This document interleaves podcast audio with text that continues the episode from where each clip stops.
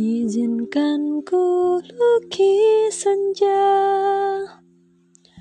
Mengukir namamu di sana.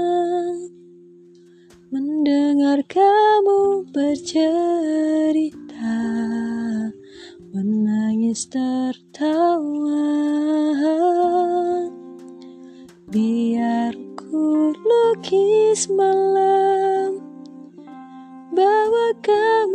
bintang-bintang.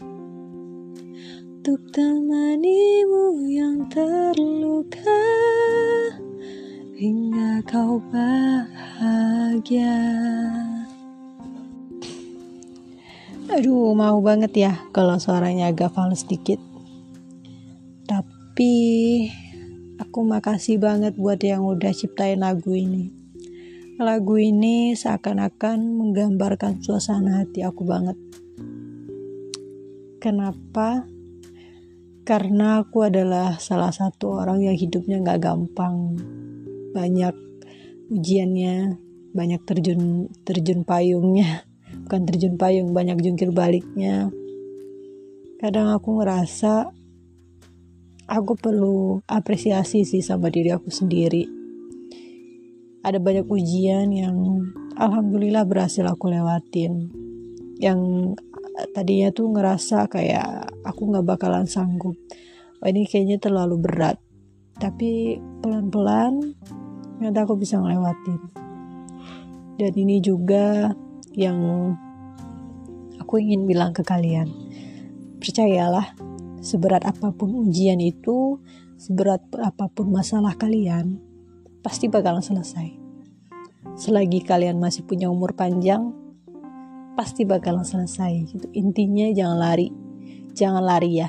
Sekalipun kita perempuan, ingat jangan pernah lari dari masalah. Perempuan itu kalau kata orang lemah. No, no, no. Perempuan itu kuat. Gak ada yang lemah. Ya walaupun banyak nangisnya, banyak cengengnya, gak apa-apa. Nangis itu bukan karena kita lemah. Itu menurut aku menangis itu adalah salah satu cara perempuan untuk meril merilekskan dirinya. Salah satu perempuan untuk mendapatkan kekuatannya kembali gitu. Jadi seberat apa pun hidup kita ke depan tetap semangat dan harus uh, optimis dan bangga sama diri kita sendiri.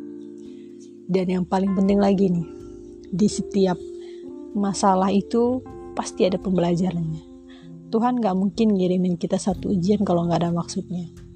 Pasti ada tujuannya gitu. Gak usah pedulin, oh ini dos, ini ini masalah karena dosa gue di masa lalu. Oh ini masalah ini dosa eh apa ini masalah ini karena Tuhan pengen uh, ngasih gue apa privilege apa gitu pengen ngasih gue kejutan segala macam nggak usah mikirin itu dulu itu urusannya Allah itu urusannya Tuhan mau itu cobaan karena kita banyak dosanya atau ngasih kita sesuatu yang tugas kita ngejalanin takdir itu ngejalanin masalah itu menyelesaikan ujian itu dengan baik. Udah itu aja.